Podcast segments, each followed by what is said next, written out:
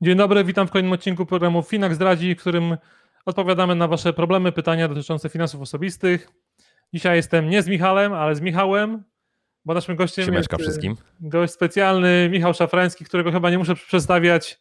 Postać legenda polskiej blogosfery finansowej, autor innymi blogu Jak oszczędzać pieniądze i kultowej książki Finansowy Ninja. Potwierdzasz, Michał? Potwierdzam, dokładnie tak. Znaczy, czy kultowej? No myślę, że już kultowej. 100, chyba 8 tysięcy sprzedanych egzemplarzy w tej chwili. Dzięki w ogóle za przyjęcie zaproszenia. Ja muszę też dodać, że Michał jest naszą tajną, albo nawet nie tajną, bo publiczną bronią, jeśli chodzi o pozyskiwanie klientów dla Finaxa, bo właściwie co drugi z Was y, trafił do, do Finaxa dzięki, dzięki niemu, także dzięki Michał. Masz jakieś ogólne wrażenie z tej współpracy? No ogólne wrażenie mam takie, że po pierwsze wprowadziliście na polski rynek usługę, której nie było wcześniej w Polsce dostępnej. E, po drugie usługę, która w zasadniczy sposób obniża koszty inwestowania co też jest mega ważne. I po trzecie, to jest usługa, która umożliwia inwestowanie poprzez ETF-y, więc taką formę inwestowania, którą ja promowałem w 2014 roku, o ile mnie pamięć dobrze nie mieli już, e, i która miała na polskim rynku strasznie, strasznie ciężki czas i trudność w przebiciu się, no bo nikt nie był zainteresowany wprowadzaniem e, do oferty detalicznej ETF-ów nikt, w szczególności TFI, nie? więc y, ja z przyjemnością powitałem usługę, która znacząco obniża koszty inwestowania, to co jest kluczowe, no to dla członków, y, uczestników mojej społeczności, czyli klanów finansowych Ninja, te warunki są naprawdę, naprawdę dobre, w związku z tym no, siłą rzeczy promuję, polecam, zachęcam, y, bo wydaje mi się, że nie ma lepszej alternatywy dla 90% osób, które mają nadwyżki finansowe, które chcą inwestować po prostu. No, tyle tytułem wstępu. Jasne. No my w Finaxie też y, przykładamy dużą wagę do, do, tego, do tego, co ty przykładasz, czyli do edukacji. I właściwie ten program jest trochę taką emanacją tego, tego naszego zainteresowania problemami konkretnych ludzi y, z tej Polski też jakby mało miasteczkowej, nie tylko Warszawy i tak dalej. Więc przechodzimy do pytań. Y, będziesz miał pięć pytań. Mam nadzieję, że pomożesz mi w odpowiedzi, bo czasami Jasne. postaram się coś, coś dodać, ale to nie wiem, że nie będzie, nie będzie, nie będzie, nie będzie proste. Prosto z mostu walimy. Jan z Szczecina ma 52 lata utrzymuje mhm. jedną osobę, nie ma długów. I pisze do nas, że stracił pracę, ale odłożył 600 tysięcy złotych. I teraz zamierza zainwestować z Finaxem akurat. Pewną część tych oszczędności, nie wie jednak jaką część. Uznać za poduszkę finansową, a jaką zainwestować. No i też to, co istotne, y, do emerytury ma 13 lat miesięcznie. I tu rzetelnie przeanalizował, brawo za to, wydatki to około 5,5 tysiąca złotych, no i liczy na to, że odpowiemy mu, mu trochę na, na liczbach, czyli pytanie jest takie, ile ma dać w poduszkę yy, i czy Finax jest też dobrą, dobrą metodą. Formą inwestowania dla niego. Dobrze, to ja, ja od razu powiem tak, że po pierwsze nie jestem doradcą inwestycyjnym, więc wszystko co mówię, mówię w oparciu o moje doświadczenia. Ta, y, postaram się wcielić w tę rolę i powiedzieć, co ja bym zrobił, gdybym był na miejscu tej osoby przy tych samych parametrach, nie? Czyli tak, 600 tysięcy złotych oszczędności, 5500 e, złotych wydatków co miesiąc. Tak? tak? tak, e, sytuacja wygląda. Tam e, kilkanaście lat do emerytury, z tego co, co spamiętałem. W, więc tak, oczywiście poduszka finansowa to jest coś takiego, czego nie powinniśmy inwestować. Czyli mówimy o takich pieniądzach, które powinniśmy mieć na podorędziu na wszelkie wydatki, których się spodziewamy. Znaczy zarówno te nieplanowane, jak i planowane. I ja w książce Finansowy Ninja ogólnie i na blogu polecałem takie podejście, żeby ta poduszka finansowa miała minimalnie, minimalnie 3 miesiące kosztów, ale to nie jest poziom zalecany. Poziom zalecany to jest 12 albo 24 nawet miesiące kosztów. To już są indywidualne preferencje, e, z czym kto czuje się dobrze.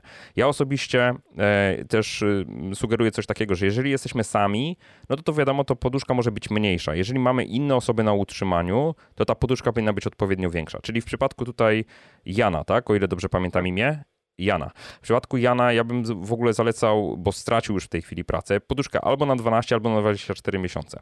E, czyli tak, jeżeli 5500 było kosztów, to poduszka na 12 miesięcy to jest 66 tysięcy złotych. Poduszka na 2 lata to będzie 132 tysiące złotych, nie? Dla jasności nie liczę tak szybko, tylko sobie zanotowałem te kwoty. Um, czyli tak, można by było powiedzieć, jest 600 tysięcy złotych oszczędności odłożonych. E, całkiem zacna kwota jak na polskie warunki, nie oszukujmy się. E, I teraz ja bym zrobił tak, że część e, powiedzmy te około 100 tysięcy złotych trzymałbym na podorędziu, jako takie pieniądze, które mi się przydadzą w tej perspektywie roku, półtora, dwóch, E, zwłaszcza jak nie zarabiam w tej chwili, no to wiadomo, przez pewien czas będę konsumował y, tylko i wyłącznie, nie mając bieżących przychodów. Zakładam, że ta praca prędzej czy później się znajdzie, tak? No ale jest na tyle gruba poduszka, że jakby jesteśmy w stanie nawet przez rok czy półtora roku utrzymywać się bez e, pracy zarobkowej. Czyli odłożyć sobie te 100 tysięcy, nie wiem, na kontach, na lokatach, mieć je na, podorę, na podorędzie. Ja wiem, że lokaty mało płacą, ale jakby nie jest ich celem w tej chwili zarabianie pieniędzy dla nas, tylko to, że te pieniądze sobie bez, bezpiecznie, nazwijmy to, leżą y, w taki sposób, że jesteśmy w stanie z nich na bieżąco korzystać w miarę potrzeb, bieżących potrzeb. E, no i zostaje nam około pół miliona złotych, które można by było potraktować jako nadwyżki finansowe. E, I co ja bym zrobił? E, Jan chyba jest blisko emerytury, z tego co pamiętam. 13. To pewnie bym, no właśnie, to pewnie bym zrobił tak, że mm, powiedzmy w dużym uproszczeniu, pewnie z połowę tej kwoty bym zainwestował. W sensie takim włożyłbym na przykład do Finaxa w jakichś takich strategiach typu 80-20, które dają sporą szansę na to, że e, będziemy beneficjentami rosnącego rynku akcji. Tak, mówimy o rynku akcji ogólnoświatowym, bo de facto taki jest odzwierciedlony w ETF-ach, które są w Finaxie, a jednocześnie te 20% w tej strategii 80-20 to są obligacje, które nam trochę stabilizują, um, inaczej, trochę wypłaszczają e, tą zmienność tego portfela. No bo wiadomo, akcje się wahają góra-dół, góra-dół, w związku z tym, żebyśmy nie mieli takiej huśtawki emocjonalnej, jeżeli będziemy podglądali te wyniki w Finaxie, no to im więcej tych obligacji w portfelu, tym bardziej ta charakterystyka tych zmian jest wypłaszczona po prostu, bo obligacje tak bardzo się nie zmieniają, nie bujają, e, mówiąc kolokwialnie. W związku z tym Pewnie z połowę tej kwoty, czyli 250 tysięcy złotych nadwyżki bym e, zainwestował w Finaxie, licząc na to, że no w tym horyzoncie czasowym typu kilkanaście lat jest, to, będzie mi to w stanie wypracować całkiem ładną stopę e, zwrotu. Powiedzmy, powiedzmy 8,5% średniorocznie, tak?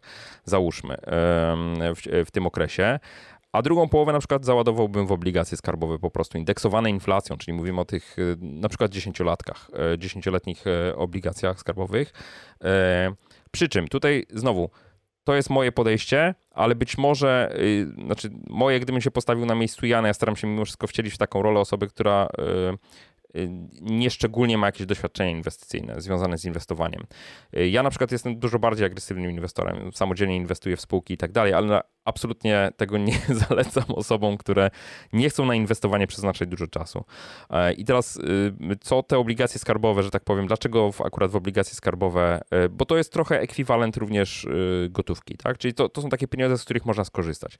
Czyli na przykład, jeżeli ten stan E, jeżeli ta nasza poduszka by się wyczerpywała, bo ten stan bez pracy by się przedłużał, to jestem w stanie sięgnąć e, e, po te pieniądze, które ulokowałem w obligacjach skarbowych i bezstratnie w zasadzie z nich skorzystać. Tam tego kapitału nie stracimy. On nie jest wystawiony na ryzyko związane z utratą części kapitału. Możemy nie zarobić po prostu. Znaczy, jeżeli przed czasem umorzymy te, te obligacje, no to po prostu otrzymamy kapitał plus odsetki wypracowane w poprzednim okresie, tak? To już tak zaczynam wchodzić w szczegóły, ale w, w dużym uproszczeniu można traktować obligacje skarbowe indeksowane inflacją jako ekwiwalent po prostu gotówki. I teraz ta gotówka może się nam przydać w różnych sytuacjach. Jeżeli na przykład już bezpiecznie czujemy się z inwestycjami w Finaxie i widzimy, że rzeczywiście ten portfel dla nas y, zarabia pieniądze. Oczywiście on zarobi dopiero wtedy, kiedy my rzeczywiście będziemy chcieli te pieniądze wypłacić. Wtedy się dowiemy, jaka była ta realna stopa zwrotu. No ale w Finaxie na bieżąco widać, jak e, te zmiany wartości portfela się kształtują. To wtedy ewentualnie w takich sytuacjach, kiedy na przykład rynek zjeżdża w dół, rynek akcji zjeżdża w dół, czytaj, krótkoterminowo ten portfel traci na wartości, albo przynajmniej zyski topnieją, y, to w, takim, w takiej sytuacji możemy na przykład część tej gotówki z obligacji przesunąć do portfela finansowego, jeżeli chcielibyśmy inwestować agresywniej, a jednocześnie już uzyskaliśmy, jakby zdobyliśmy pracę, w związku z tym mamy bieżące przychody, bieżące nadwyżki finansowe generujemy, no to w takim razie możemy troszeczkę bardziej agresywnie inwestować. A jeżeli się okaże, że ta sytuacja bez pracy się przedłuża, no to tym bardziej byłbym e, taki bardzo zachowawczy, tak? Czyli wolałbym trzymać pieniądze w obligacjach po to, żeby jeżeli poduszka będzie mi się wyczerpywała, no to po prostu część z tych pieniędzy wycofam, żeby mieć poduszkę na następny rok na przykład, czy na następne dwa lata, nie? E, I tak bym do tego podszedł. I też myślę, że takie, taka dobra sugestia jest e, też taka, że jeżeli ktoś jeszcze nie inwestował nigdy na rynkach kapitałowych, w szczególności nie do końca rozumie, co to są ETF-y i tak dalej, to dokształcić się oczywiście i też być może nie wpłacać tej kwoty do Finaxa od razu całej to znaczy rozłożyć sobie na przykład, jeżeli to miałoby być te 250 tysięcy złotych, no to na przykład rozłożyć sobie na kilka wpłat, tak? Dać sobie szansę na to, że mm, w sytuacji, jeżeli na przykład okaże się, że mamy kolejną falę koronawirusa i rynki znowu zjadą w dół, no to po prostu dać sobie szansę na to, żeby po prostu w różnych momentach czasu dokonać tego nabycia, tak? Na przykład no i już tak nie wchodząc w szczegóły, nie? Niekoniecznie, dla jasności z matematycznego punktu widzenia, niekoniecznie jest to y, opłacalne, żeby jedną większą kwotę rozkładać na mniejsze e, w trakcie inwestowania. Znaczy nie ma dowodów wskazujących na to, że to jest lepsze podejście niż wpłata jednorazowa. Nie?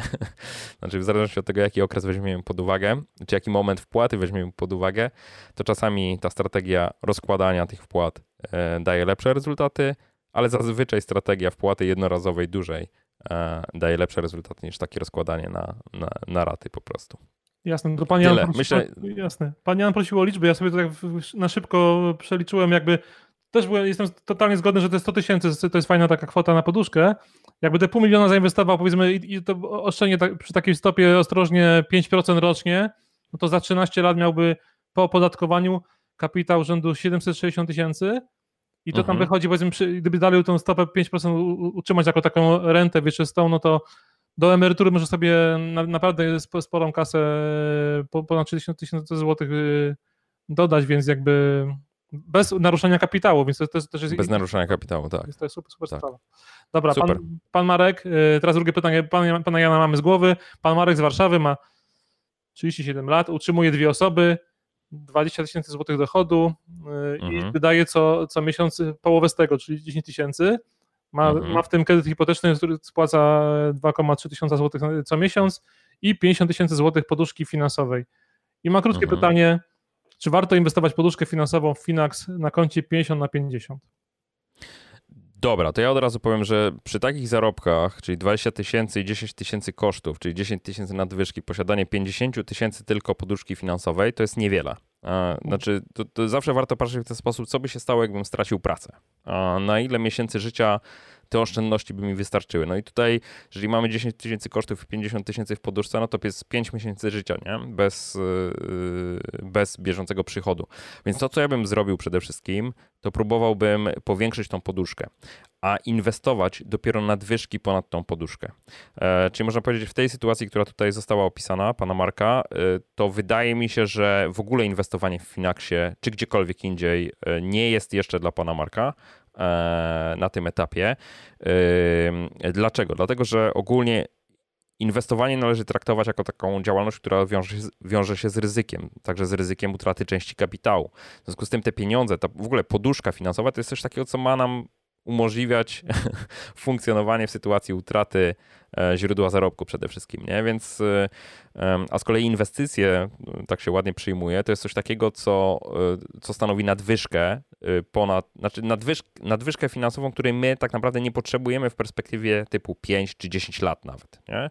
E, czyli można traktować, że to są takie pieniądze, które jakbyśmy stracili, e, to nieszczególnie by to nam e, życie skomplikowało nie? w tej takiej perspektywie kilkuletniej, bo mamy inne źródła zarobków, bądź właśnie poduszkę, która nam pozwala przetrwać jakieś chwilowe zawirowania na rynku pracy.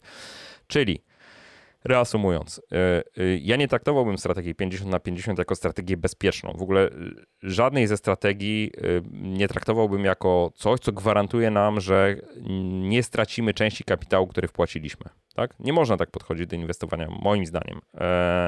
Więc y, najpierw bym zbudował poduszkę, dopiero później nadwyżkę, nadwyżki bym lokował.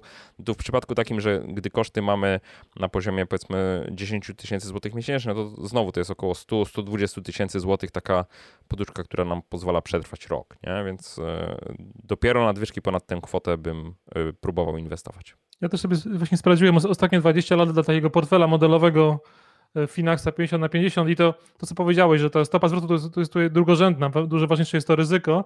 I były takie okresy, na przykład 2007-2009, e, gdzie e, o ponad 1 czwartą się skurczył taki, taki portfel, więc trzeba mhm. to też wziąć pod uwagę i jakby przy tej, przy tej poduszce patrzeć, że to jednak jest, Finax jest moim zdaniem dla minimum 2-3 lata, to jest takie absolutne minimum moim zdaniem, gdzie można gdzie warto. No ja mówię nawet bezpiecznie 5, 5 nie? w sensie to jest, bo, bo to jest też tak, że wiesz, y, są osoby, które na przykład nie wiem, mają oszczędności odłożone na wkład własny, na kredyt hipoteczny, przy, y, pod kredyt hipoteczny, bo chcą kupić, nie wiem, mieszkanie, dom, tak?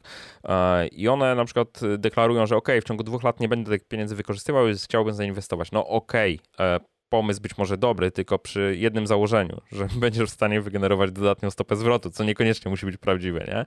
W horyzoncie dwuletnim. W związku z tym lepiej traktować, tak sobie myślę, ten horyzont, tak mhm. przyjmować pięcioletni, e, bo to jest coś, co rzeczywiście już wtedy daje jako takie prawdopodobieństwo, że, że to się uśredni na plus. Nie? Ten, I, I, statystyka to potwierdza, bo e, patrzymy na, na te takie portfele bardziej bezpieczne, czyli te, które mają trochę więcej obligacji niż akcji, mhm. to w, w, ostatnich 30 latach nie było takiego okresu pięcioletniego, gdzie, gdzie byłeś na stracie, więc jakby te 5 lat tak. to, to, praktycznie daje historycznie, bo wiadomo, że to się nie ma nigdy gwarancji zapisanej nigdzie, ale to się jakby broni, tak? Tak, tak, dokładnie tak. Dobra, dajemy No dobra, dalej. to następną osobę. Kamil z Garwolina. To jest jakiś młody mhm. chłopak, ale już y, ma, ma 25 lat, y, ale zarabia 900 zł i od sierpnia zacznie spłacać z dziewczyną kredyt studencki, mają do spłaty tam y, po 19 tysięcy złotych, mają 20 tysięcy złotych poduszki i wydają tylko, tutaj brawa za, za to Kamilu, 1200 złotych. 9 y, tysięcy złotych zarobków i 1200 tak, wydatków? Tak, tak, to nieźle, nieźle i to... I to, I to zakładając, że ma, ma dziewczynę, bo się chwali, że ma dziewczynę, więc jakby tym większe, większe brawa. I ma, ma pytanie. Dostaliśmy z partnerką mieszkanie, inwestujemy w nie swoje oszczędności, aby tam zamieszkać. Nie mamy planu mhm. związanych z tym miastem, czyli chcą się rozumiem, przenieść z Garwolina, ale mhm. na dziś perspektywa zamieszkania w, w nim wynosi 3-4 lata. Y, mhm. I ta inwestycja w mieszkanie to jest 70 tysięcy złotych, które aktualnie mają. Marzą okay. im się dom w niedalekiej przyszłości, ale w innym mieście o większych perspektywach zarobkowych. No i rodzi się pytanie, czy mają te, te oszczędności zainwestować w działkę pod dom, a może drugie mieszkanie. A, a ile mają, jeszcze raz, ile mają oszczędności? Bo powiedziałeś 70 tysięcy mają, które wydadzą na remont w tym mieszkaniu, a jeszcze jakieś oszczędności mają, czy nie? Nie no, mówili, że mają 20 y, tysięcy złotych poduszki. Okej, okay, dobra, to zakładam, że to jest ponad te 70. Tak, tak. Dobra. Mhm. No i teraz albo kupić dom, y, działkę pod dom, bo rozumiem, że chcą budować dom, a nie kupować dom, albo drugie mieszkanie za gotówkę i działkę z domem sfinansować kredytem, czy kredyt wziąć na mieszkanie, a gotówkę, gotówką opłacać później budowę domu. Mhm, mhm. Dobra, dobra, dobra. Eee, to uporządkujmy. Znaczy, pierwsza rzecz, rzeczywiście gratuluję e, zdolności do odkładania e, i tego procentu, który jest odkładany, bo tak szybko licząc sobie w głowie, to jest ponad 80-85% mhm. chyba udaje się z tych zarobków odkładać, nie? E, to to jest bardzo dobry wskaźnik i niesamowicie dobry, więc szacun wielki. Dla Kamila, Kamil? Tak, dla Kamila. E, y, druga rzecz. 20 e, tysięcy złotych poduszki przy tych kosztach to jest pewnie z półtora roku oszczędno, jakby możliwości życia z poduszki, nie? Czyli jak wydajemy 1200 zł miesięcznie, mamy 20 tysięcy złotych, tak dzieląc, no to tak pewnie 15-16 miesięcy mi wychodzi, nie? Więc, e, więc to, to jest poduszka, która już jest jak najbardziej sensowna, nie? Mm, a jednocześnie trzeba brać pod uwagę, że co miesiąc y, Kamil generuje nadal blisko 8 tysięcy złotych dodatkowych oszczędności, więc to, to w zasadzie niesamowicie y, ma szansę przyrastać. E, I tam były trzy opcje wymienione. Jedna opcja to jest działka za gotówkę, druga opcja to jest mieszkanie kupione w innym mieście za gotówkę i później kupienie działki na kredyt versus trzecia opcja, czyli kupienie mieszkania od razu na kredyt w innym mieście i później kupienie działki za gotówkę. No to jest jeszcze y, y, kwestia tego, jaka to jest rzeczywiście perspektywa y, czasowa. To znaczy, usłyszałem, że w tym mieszkaniu w Garwolinie chcą pomieszkać 3-4 lata, teraz jakie wyremontują. Trzeba by było policzyć tak naprawdę, ile przez te 3-4 lata są w stanie odłożyć. Załóżmy, przemnożę te 8 tysięcy złotych razy 12 y, razy 4, będę optymistą, to jest 384 tysiące złotych, nie? Zakładając, że koszty udaje mi się utrzymać na tym poziomie, co jest raczej mało prawdopodobne. Znaczy stopniowo spodziewam się, że te no. koszty będą rosły. Czyli bądźmy takimi skrajnie jakby optymistami, ale niezbyt dużymi, niech to będzie 300 tysięcy złotych, które są w stanie przez te 4 lata wygenerować y, oszczędności, bo zakładam też, że zarobki też mogą rosnąć, więc to może być kwota odpowiednio mniejsza, yy, odpowiednio, przepraszam, wyższa, nie? Ale załóżmy, że to będzie 300 tysięcy złotych e, nadwyżek finansowych, czyli rzeczywiście można by było kupić, no pytanie w jakim mieście mieszkanie, nie? E, kupić mieszkanie za gotówkę, e, Pytanie jest też kolejne, co się stanie z tym mieszkaniem, które już w tej chwili mają w Garwolinie? To znaczy, czy planują je wynajmować, czy planują je być może sprzedać, odzyskując część gotówki, nie? W każdym razie działkę pewnie by się udało kupić za gotówkę w takim przypadku, czyli ten pierwszy scenariusz jest realizowalny. Drugi też jest w zasadzie realizowalny, czytaj kupię mieszkanie w nowym mieście, może nieduże, jeżeli to Warszawa, e, i kupimy później działkę na kredyt. E, tylko w tym scenariuszu drugim jest pewne zagrożenie. To znaczy, jeżeli działka będzie kupowana na kredyt, a później byśmy chcieli kupować, na przykład budować dom posiłkując się kredytem, no to jest kwestia tego, czy będzie zdolność kredytowa na to, żeby drugi kredyt hipoteczny uzyskać. Nie? Więc tu, jest, tu, tu mam taką pewną wątpliwość co do tego. E, I trzeci scenariusz to było mieszkanie na kredyt plus działka kupiona za gotówkę. No i to tu, tu w tym trzecim scenariuszu w ogóle pojawia się pytanie, no to ile lat tak naprawdę spodziewają się mieszkać w tym kolejnym mieszkaniu? Nie? Czyli jak się przeprowadzą już do większego miasta, to ile lat tam będą mieszkali? I też y, alternatywa, która się pojawia, być może wcale nie kupować, jeżeli to miałby być krótki okres, to być może wcale nie kupować tego mieszkania, tylko wynająć mieszkanie w większym mieście i nadal próbować generowa- generować nadwyżki finansowe po to, żeby działkę kupić za gotówkę, a później na kredyt kredytem sfinansować budowę domu, jeszcze z wkładem własnym na ten kredyt y, związany z budową domu. Więc tutaj jest ileś tam scenariuszy, które no, każdy trzeba rozważyć to bardzo skrupulatnie na szczegółach. E, z kolei, jeżeli ten okres rzeczywiście mieszkania w nowym mieście jest dłuższy, e, mm, no to pewnie być może lepiej to mieszkanie kupić, a później je sprzedać bądź wynająć. No to już różne scenariusze wchodzą. I tu jednej dobrej odpowiedzi nie ma. Ja tak sobie tylko myślę, tak mi do głowy przyszła pewna dygresja, którą e, chciałbym się podzielić. E, ja w sumie byłem w dosyć podobnej sytuacji w moim życiu, to znaczy ja kupiłem, e, my żeśmy kupowali mieszkanie, pierwsze nasze mieszkanie kupowaliśmy w 1999 roku.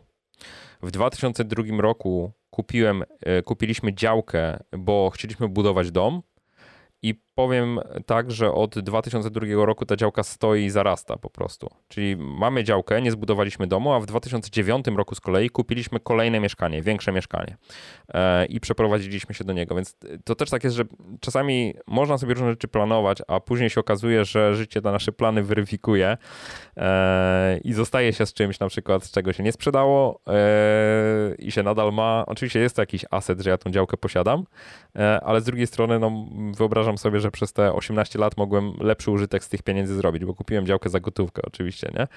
E, mm, e, ona po prostu sobie ładnie zarasta, jak płacę podatek od nieruchomości.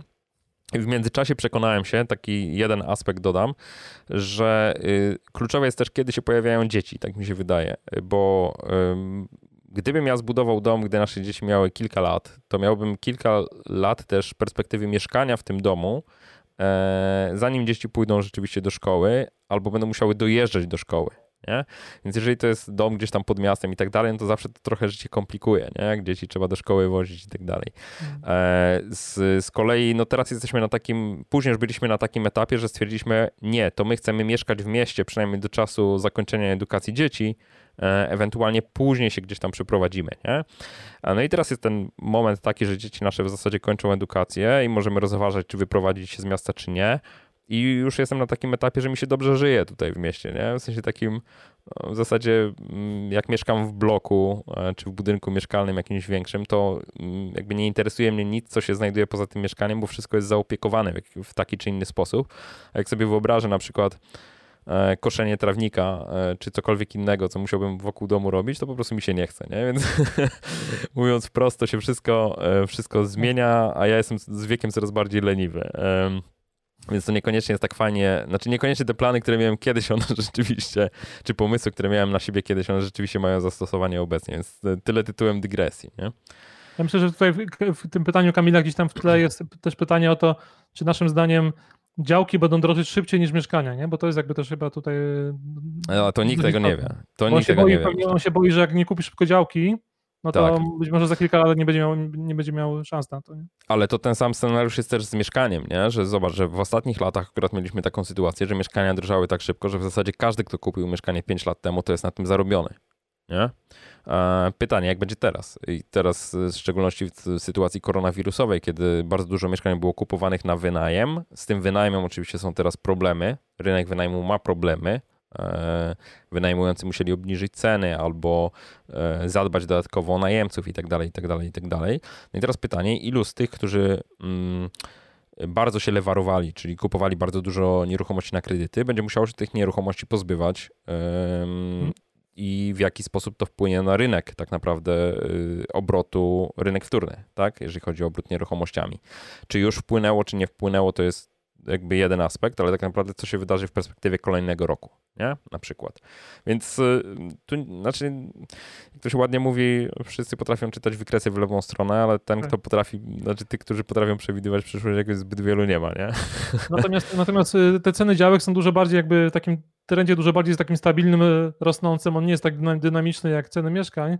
Natomiast ten ostatni rok covidowy rok też pokazał, że te, że te działki znowu jakby jest e, na, nie silny popyt, no bo ludzie zaczęli szukać trochę poza miastem home, home office i tak dalej, więc jakby to też wpływa na, na, na ceny. To jest, to jest jeden aspekt. No drugi w ogóle jakby w Stanach, jak patrzymy, co się dzieje i na przykład po wyniki Home Depot czy jakichś innych takich sieci, które są związane z, y, z na przykład z remontami czy z branżą nieruchomości, no one święcą triumfy, święciły triumfy w zeszłym roku. Dlaczego? Bo ludzie zamknięci w domach na przykład zaczęli remontować swoje domy, tak? Właśnie myślą o powiększeniu powierzchni i tak dalej, więc jakby ten rynek nabrał wiatru w żagle. Mówimy o rynku nieruchomości, ale z zupełnie innej perspektywy, no dlatego, że te osoby, które siedzą w domach nagle uświadomiły sobie, że to, to jak sobie dom zorganizują, to też jest ważne i nagle ta przestrzeń zaczęła być na przykład za mała, nie? No bo jak trzeba wykroić jakieś pomieszczenie do pracy, którego nie było, e, no to tutaj jakieś kroki się w tym kierunku podejmuje, nie? Więc e, no to, to jest ciekawe, nie? Pytanie, na ile trwała jest ta zmiana sposobu pracowania i czy rzeczywiście na przykład, nie wiem, połowa z nas zostanie już w domach, nie? No bo, nie wiem, firmy akceptują model pracy zdalnej w większym stopniu niż dwa lata temu. Dobra, pytanie ostatnie, ale to takie w sumie chyba najtrudniejsze, bo ono już kiedyś już pojawiło. Ja specjalnie zostawiłem specjalnie na, na to wydanie szczególne z tobą, mhm. Y, bo do tej pory mówiliśmy o tym, co zrobić nad nadmiarem kasy. A tutaj chłopak pyta, Michał spod Warszawy, tak. ma 33 lata, dwie osoby na utrzymaniu, ma poduszkę, y, którą stanowi z trudem ukryte przed żoną 4000 zł. No i on y, wydaje co miesiąc 3000 zł na kredyty, bo ma też kredyt chyba motoryzacyjny i, i hipoteczny mhm. i zostaje mu 1000 zł i teraz y, na życie i pyta się z czego ma tą poduszkę zbudować i może, może jakieś magiczne rady, bo to też jakby to trudno wyczarować jakieś, jakąś radę, jeżeli, jeśli, jeśli nie ma mm, nadwyżki finansowej. Nie? Ale moment, y, wydaje 3000 zł, ale tak, już z tak. kosztami życia, czy nie? Yy, rachunki zakładam, że to są, no bo jeżeli, gdyby było inaczej, to, to, to moim zdaniem to on... pod wodą, nie? Tak, tak. A ile zarabia? Czwórkę. Cztery. Cztery zarabia, trzy stanowią koszty życia, ma tysiąc złotych nad, nadwyżki co miesiąc mhm. i poduszka, którą uzbierał, to jest cztery tysiące złotych ukryte mhm. przed żoną, powiedziałeś, tak? Tak, tak. Okej. Okay. E, i, I, pytanie jest o to, jak w ogóle sobie radzić w tej sytuacji, jak skompletować, jak zbudować taką poduszkę finansową, Dokładnie. czy nadwyżki finansowe ogólnie, tak? Znaczy to wiesz, to, to, to, jest o tyle trudna sytuacja, że nie ma dobrej odpowiedzi na to pytanie, innej niż yy, yy, najlepszym sposobem oszczędzania jest zwiększanie zarobków. I ja to mówię od lat, tak? E, w książce finansowej Ninja też o tym pisałem, że najlepszym sposobem oszczędzania jest zwiększanie zarobków. E, I y, z doświadczenia powiem, jakby nie próbując wartościować tego wszystkiego, co, co dotyczy Michała spod Warszawy, ale um, jak ja często zderzam się z takimi pytaniami osób, właśnie, no jak zwiększać zarobki, to ja bardzo, w bardzo prosty sposób odbijam tą piłeczkę i pytam, powiedz mi, ile razy w ciągu ostatniego kwartału byłeś na rozmowach kwalifikacyjnych? E, I okazuje się, że wiesz, że osoby, które są w takiej sytuacji, one w niej często tkwią. To znaczy nie, jakby nie podejmują takiego, y, wydaje mi się, uzasadnionego wysiłku w kierunku tego, żeby tą swoją sytuację po prostu zmienić e, e, i wynegocjować kolejne 200, 500, 1000 złotych podwyżki po prostu, nie? A prawda jest taka, że, że wiesz, no jakby można łatwo, relatywnie łatwo, yy, i to mówię świadomie może przejaskrawiam, ale z doświadczenia też wiem, że yy, to się wydaje trudniejsze niż jest w rzeczywistości. Uzasadnić, czy to przed własnym szefem, czy też po prostu zmieniając pracę, wynegocjować sobie dodatkowe kilkaset złotych. I teraz zobacz, w sytuacji Michała te dodatkowe kilkaset złotych, ono kolosalnie zmienia e, rzeczywistość. Znaczy, jeżeli to będzie nawet 500 zł miesięcznie, to to jest 50% więcej niż on jest, niż, niż od, e, znaczy będzie w stanie odkładać 50% więcej niż w tej chwili odkłada, tak? Bo co miesiąc jest w stanie generować 1000 zł nadwyżki finansowej, nie? No to jeżeli 500 zł mu przybędzie, to będzie 1500 zł. A też z doświadczenia wiem, że bardzo mocno takim osobom pomaga to, że na przykład w sytuacji zmienienia pracy i podwyższenia tych swoich zarobków e, wzrasta też ten nasz poziom oczekiwań, ale też jakby taki poziom pewności siebie. Znaczy my się przekonujemy, że jednak, kurczę, jesteśmy coś warci na tym rynku. Kurczę, to mój poprzedni pracodawca nie doceniał mojej pracy e, na tyle, żeby mi dać podwyżkę, czy wynagrodzić w jakiś sposób to, co dla niego wykonuję, ale rynek to docenia. Czytaj, być może ja jestem warty jeszcze więcej. Nie? To jest kwestia tego, czy potrafię to po prostu dobrze sprzedać na rynku. No i teraz, okej, okay, ktoś może powiedzieć, nie potrafię, nie umiem, nie wiem, jak to robić. To idź na, y, odpowiadaj, że tak powiem, na ogłoszenia i chodź na rozmowy kwalifikacyjne y, i ucz się tego, jak negocjować. Samo pójście na rozmowę kwalifikacyjną do jakiejś firmy wcale nie oznacza tego, że my musimy się tam zatrudnić. My możemy po prostu odbyć jedną, drugą, trzecią, czwartą taką rozmowę i nawet jeżeli zostaną nam zaproponowane warunki, to ich po prostu nie zaakceptować, tak? Jeżeli uznamy, że jednak lepiej zostać w tym miejscu, w którym jesteśmy, nie? Um, no wydaje mi się, że z pustego w próżne to i Salomon nie naleje, jak mówi przysłowie e, i te dochody trzeba po prostu zwiększać. Kolejny sposób to jest też taki, że nie wiem, jaka jest praca Michała, nie? na ile on rzeczywiście ma jeszcze energię życiową po pracy, żeby robić coś jeszcze, ale y, y, szukanie pracy dodatkowej, wykonywanie pracy dodatkowej. No ja, ja, ja przez y, rok, ponad rok od rozpoczęcia blogowania, prowadziłem mojego bloga równolegle z pracą na etacie, którą miałem. E, I można powiedzieć, że sobie dałem taki, taki bezpieczny czas na to, żeby przetestować pewien pomysł, który miałem na siebie, dzieliłem się swoją wiedzą i sprawdzałem, czy rzeczywiście są po drugiej stronie osoby, które są tym zainteresowane w jakiś sposób. I dopiero później oczywiście zacząłem na tym zarabiać, to trwało. Znaczy, można powiedzieć, dwa lata od rozpoczęcia prowadzenia bloga zarobiłem pierwsze sensowne pieniądze na nim, tak? Ale z drugiej strony to była moja inwestycja czasowa, kompletnie po godzinach wykonywana, albo przed godzinami pracy. No nie wiem, przez kilka miesięcy wstawałem dosłownie o 5 rano, po to, żeby jeszcze przed pracą móc coś napisać, e, co kończyłem oczywiście później po pracy i, i publikowałem. I no, tak powstawały artykuły w oparciu o to, co wydawało mi się sensowne dla innych, tak? E, więc no, wiadomo, że to wszystko wymaga pewnej inwestycji, pewnego zaplanowania, pewnego, e, tak, pe, pe, pewnej takiej wytrwałości też w tym, żeby próbować tą swoją sytuację poprawiać. Mm, inne przysłowie mówi, że nie od razu Kraków zbudowano, ja się stuprocentowo z tym zgadzam. E, ale z drugiej strony, jeżeli tkwimy w jakiejś sytuacji, która jest trudna, no to jakby no, nie próbujemy tego zmieniać w zasadniczy sposób, to trudno też spodziewać się innych rezultatów czy innych efektów. E, kolejna rzecz, która mi przychodzi do głowy, e, tam, tam było pod spodem powiedziane, że to są pieniądze ukryte przed żoną. No pytanie, czy żona też pracuje zarobkowo, czy nie, a może chce, a być może jest w domu, powiedzmy, z dzieckiem w tej chwili, ale być może chce wykonywać coś, co nie jest pracą pełnoetatową, ale jest czymś, co pomoże mieć te kilkaset dodatkowe złoty miesięcznie, nie?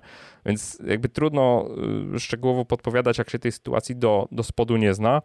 Eee, no, Michale, mogę powiedzieć, kibicuję. Kibicuję, żeby, żeby udało się coś z tym zrobić, no po prostu. Um, Tyle w temacie. Przemek, masz jakieś dodatkowe podpowiedzi?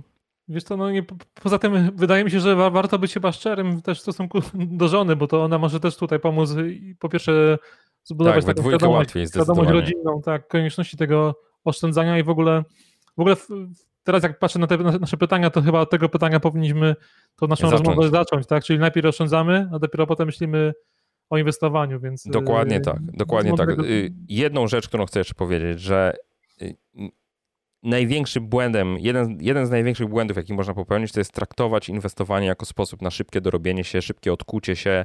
E, czyli jak ktoś ma małe pieniądze i mówi, dobra, zainwestuję, pomnożę raz, dwa, trzy. To tak nie działa. Znaczy, y, są, to są naprawdę sporadyczne sytuacje, kiedy to się udaje. Częściej się niestety nie udaje, nie? zwłaszcza jeżeli nie mamy doświadczenia i wiedzy w tym obszarze. E, to tym bardziej trudno y, liczyć na to, że uda nam się coś szybko pomnożyć. To jest kwestia szczęścia wyłącznie, tak? Czyli możemy być spekulantami na przykład na rynku, nie wiem, kupić akcje Tesla licząc na to, że nadal będą drożały, nie? Ale równie dobrze może się okazać, że kupiliśmy dokładnie w tym momencie, tuż przed tym, jak te akcje zaczynają spadać po prostu. Nie? Więc y, no nie, ma, nie ma prostych rozwiązań i wydaje mi się, że y, lepsze jest takie y, podejście, że po prostu wiemy, że za wyniki idą za ciężką pracą. E, ta praca oczywiście nie musi być jakoś strasznie ciężka, zależy co robimy ale tą pracę trzeba wykonać, tak? I myślę, że takie podejście typu y, będę solidnie wykonywał tę pracę, którą wykonuję albo którą chcę wykonywać, kształcił się, zdobywał doświadczenie również w tym obszarze takim związanym z obsługą klienta. E, czyli jeżeli myślimy, znaczy nawet jeżeli wykonujemy jakąś pracę na boku, to to jest praca dla kogoś, która rozwiązuje czyjeś problemy i ten ktoś nam płaci za rozwiązanie tych problemów. E, warto się tego po prostu uczyć. Znaczy, jeżeli mamy jakieś kompetencje, to warto sobie odpowiadać na pytanie, ok, w jaki sposób mogę użyć tych kompetencji w takim celu, żeby inni chcieli mi za nie zapłacić. Po prostu. No, tu się nie da inaczej tego zrobić niż testując, po prostu próbując coś sprzedać, często za tanio na początku sprzedając, ale stopniowo uświadamiając sobie, że, że można sprzedawać to drożej. I tak się, tak się, tak się zwiększa zarobki. No. To fajna puenta. Dzięki wielkie Michał za to, że byłeś z nami i mam nadzieję, że to nie ostatni raz, kiedy przyjąłeś zaproszenie Finaxa, bo nasza, nasza współpraca jest długoterminowa, więc jeszcze pewnie nie będziemy mieli nieraz okazji się pogadać. I... A Myślę, że tak. Myślę, że tak. Dzięki Przemek wielkie za zaproszenie w takim razie. Dzięki i zachęcam wszystkich do zadawania pytań. Do zobaczenia, do usłyszenia. Na razie, cześć. Pamiętajcie, wszystkie odcinki programu Finax radzi, ale też wiele innych treści wszystkie nasze wpisy z blogów, e, podcasty, a przede wszystkim wasze konto e, i w przyszłości także konto, publiczne konto Michała Szafrańskiego możecie znaleźć w aplikacji mobilnej Finax do pobrania z App Store'a, z Google Play Store'a. Zachęcam i pozdrawiam. Przemek Warankiewicz.